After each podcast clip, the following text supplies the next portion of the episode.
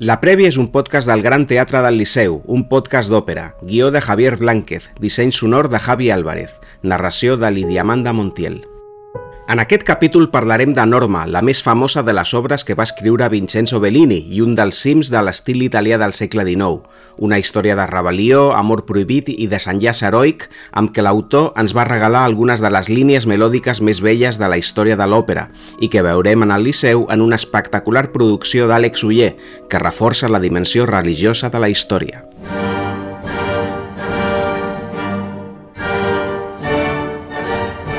Norma té tots els ingredients de les grans òperes tràgiques. Traïció, mort, un conflicte amorós impossible de resoldre, enveja, gelosia i guerra. En definitiva, totes les passions possibles, portades a la màxima expressió. Però a més de tot això, l'obra mestra de Bellini compta amb més virtuts. Per començar, té una de les partitures més sublims de tot el repertori italià – i si tot això no fos suficient, també una de les àrees més cèlebres de la història. Quan ens apropem a Norma per primera vegada, el que més resplendeix és Casta Diva, la pregària que la protagonista dirigeix als déus abans de prendre una decisió crucial. Començar una guerra o buscar una altra manera d'aconseguir la pau pel seu poble. Casta Diva és una de les composicions per a soprano més dolces i sublims que existeixen i ha fet que Norma entri en un club especial, el de les òperes que captiven el públic gràcies a un moment màgic, com també ho fan Turandot, amb Nessun Dorma, o Porgy amb Bess, amb Summertime.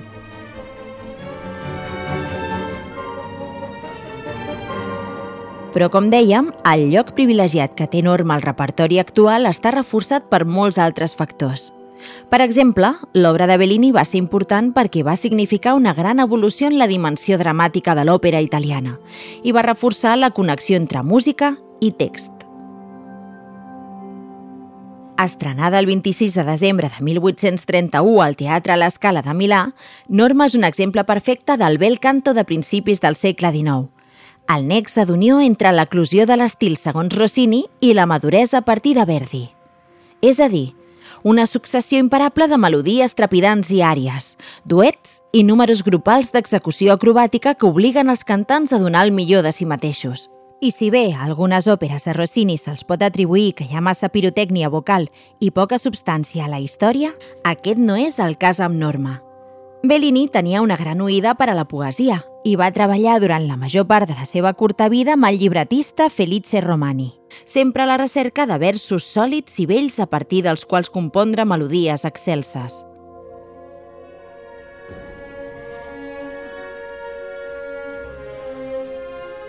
La història de Norma s'ambienta a la Gàlia, al segle I abans de Crist, durant les guerres de conquesta iniciades per Juli Cèsar.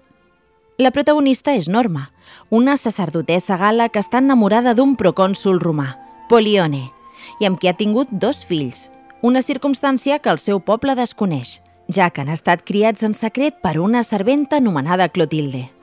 Però alhora, Polione s'ha enamorat de Dalgisa, una altra sacerdotesa, cosa que farà que la història giri cap a un triangle amorós que desembocarà en tragèdia.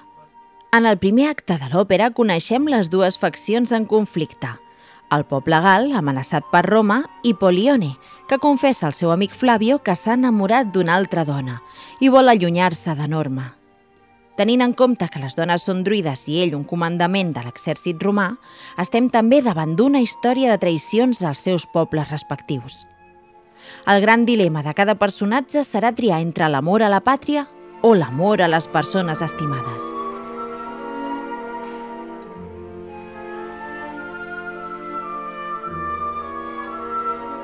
Els gals estan disposats a defensar-se contra l'amenaça romana i volen atacar, i per això necessiten que Norma doni l'ordre per agafar les armes. Però ella vol una treva amb Roma, ja que està enamorada de Polione. En una cerimònia a la llum de la lluna, talla una branca de vesc, que simbolitza la pau. Aquest és el moment en què canta Casta Diva –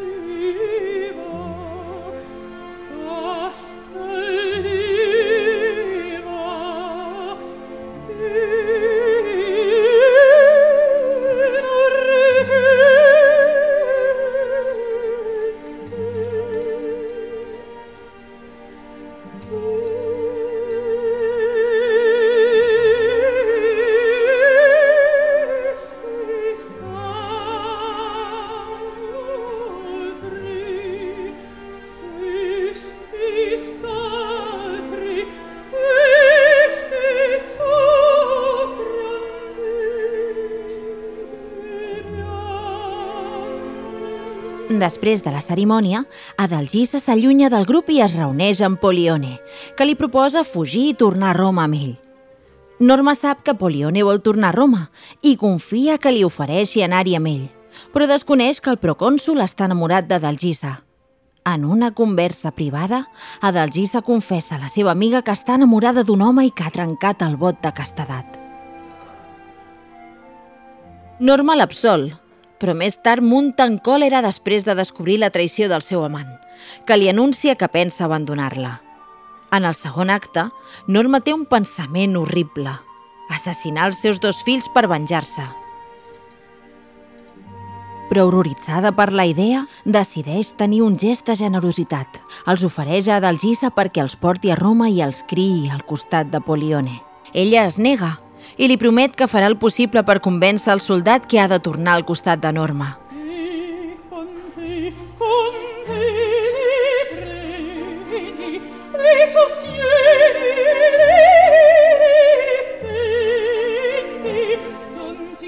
Tot això passa mentre el poble gal prepara el seu atac per alliberar-se.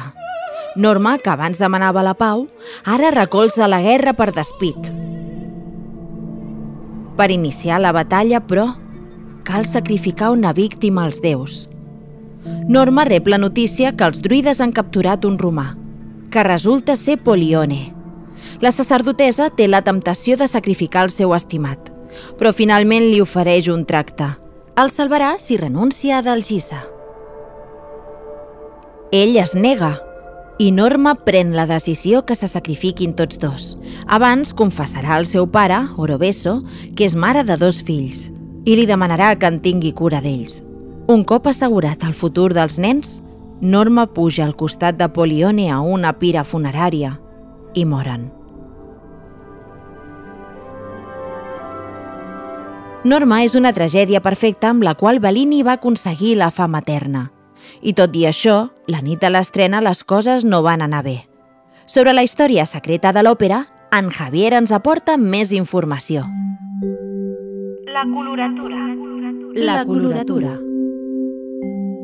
Vincenzo Bellini va néixer al si d'una família de músics que s'havia sentat a Catània, a l'illa de Sicília, a principis del segle XVIII, i sens dubte va ser el talent més gran de tot el seu llinatge, un veritable nen prodigi.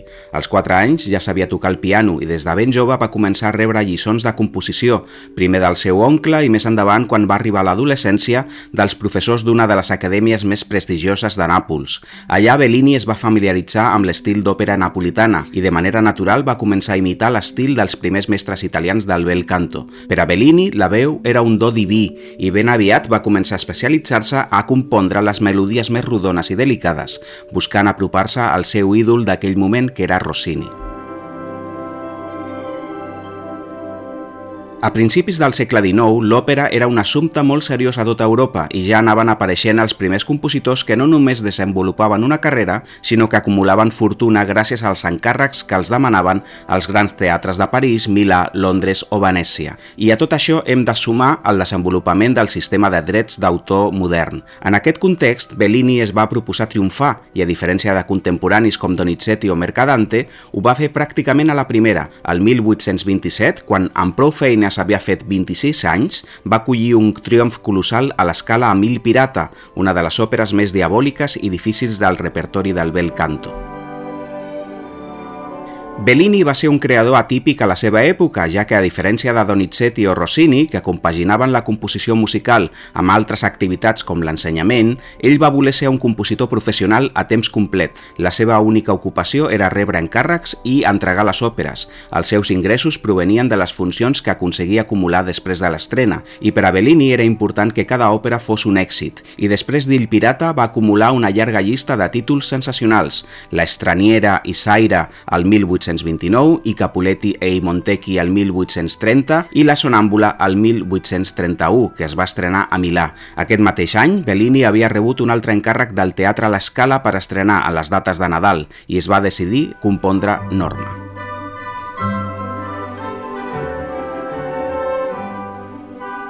Bellini sabia de l'existència d'una obra de teatre del dramaturg francès Alexandre Sumet que havia tingut un enorme èxit a París, titulada Norma o l'infanticidi, i va començar a treballar amb Felice Romani en una adaptació. La decisió va ser en certa manera arbitrària, era un tema de moda que podia traduir-se fàcilment a una òpera tràgica i exaltada, ideal perquè la cantés la seva soprano fetitxe, Judita Pasta, la gran estrella de l'òpera italiana dels anys 20 del segle XIX.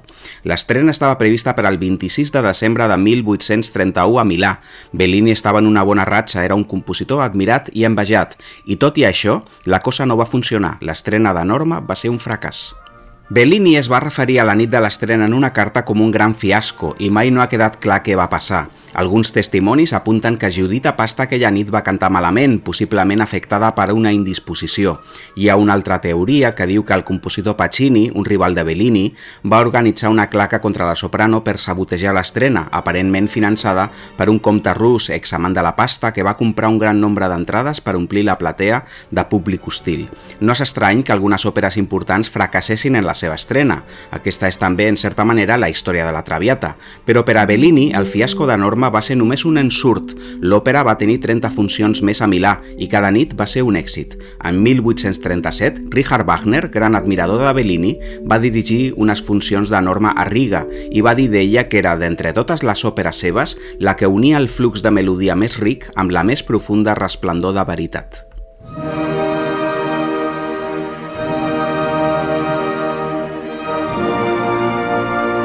Les raons que expliquen l'èxit de Norma fins avui són molt senzilles. Es tracta d'una de les òperes més equilibrades de Bellini, on totes les preocupacions de l'autor funcionen al més alt nivell. Bellini sempre buscava bones històries per a les seves òperes. Va ser un pioner en el desenvolupament de la idea que tots els elements d'una funció, orquestra, cantants i escenografia, havien d'avançar cap a una integració cada cop més estreta. I tot plegat amb un punt de referència per al públic que era innegociable per a Bellini, l'exaltació de la veu humana. A Norma hi ha alguns dels seus números més vells, no només la sempre recurrent Casta Diva i la cabaleta que l'acompanya, que és de les més trepidants de Bellini, sinó també el duet de Norma i Adalgisa al segon acte, o al final en què Norma se sacrifica en Polione.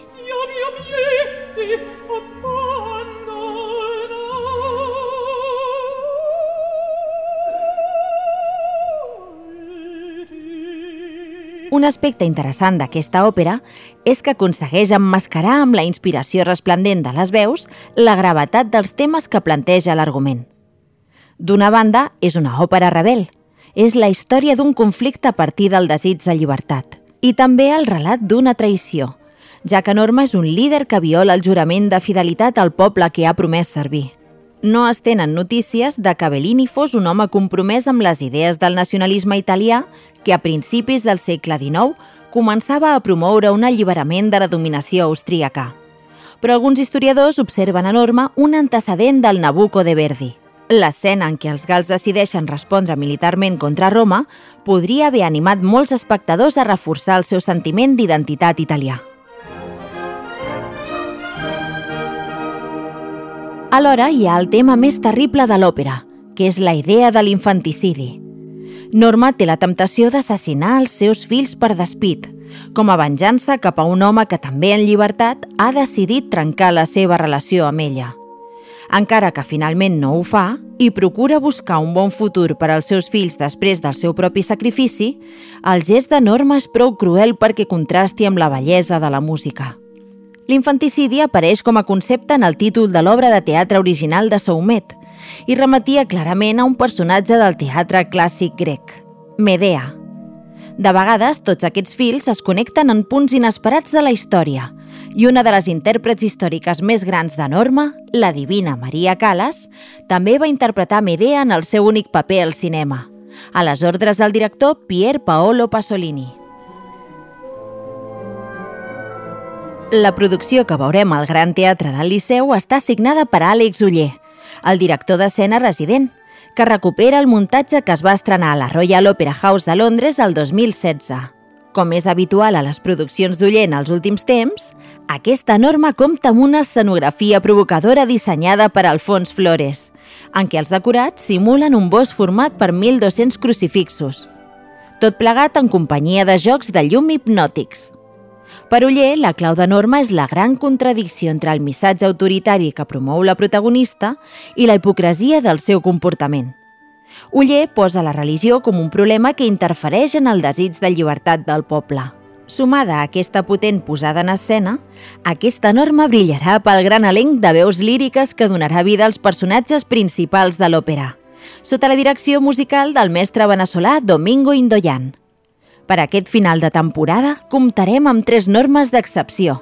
La soprano letona Marina Rebeca, la tarragonina Marta Mateu, finalista del concurs Tenor Vinyes de l'any 2008 i que debuta al Liceu amb un rol principal, i també la gran estrella internacional búlgara Sonia Yongcheva.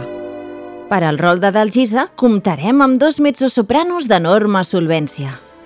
La armènia Barduhi Abrahamian, que ja ha cantat al Liceu una òpera de Rossini, i la italiana en ascens Teresa Iervolino.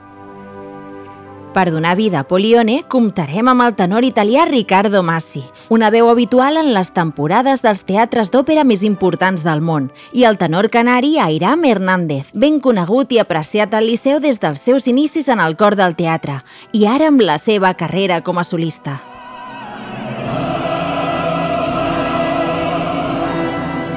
Estem, doncs, en bones mans perquè aquesta norma brilli i la temporada 2021-2022 del Liceu baixi el taló amb unes funcions memorables.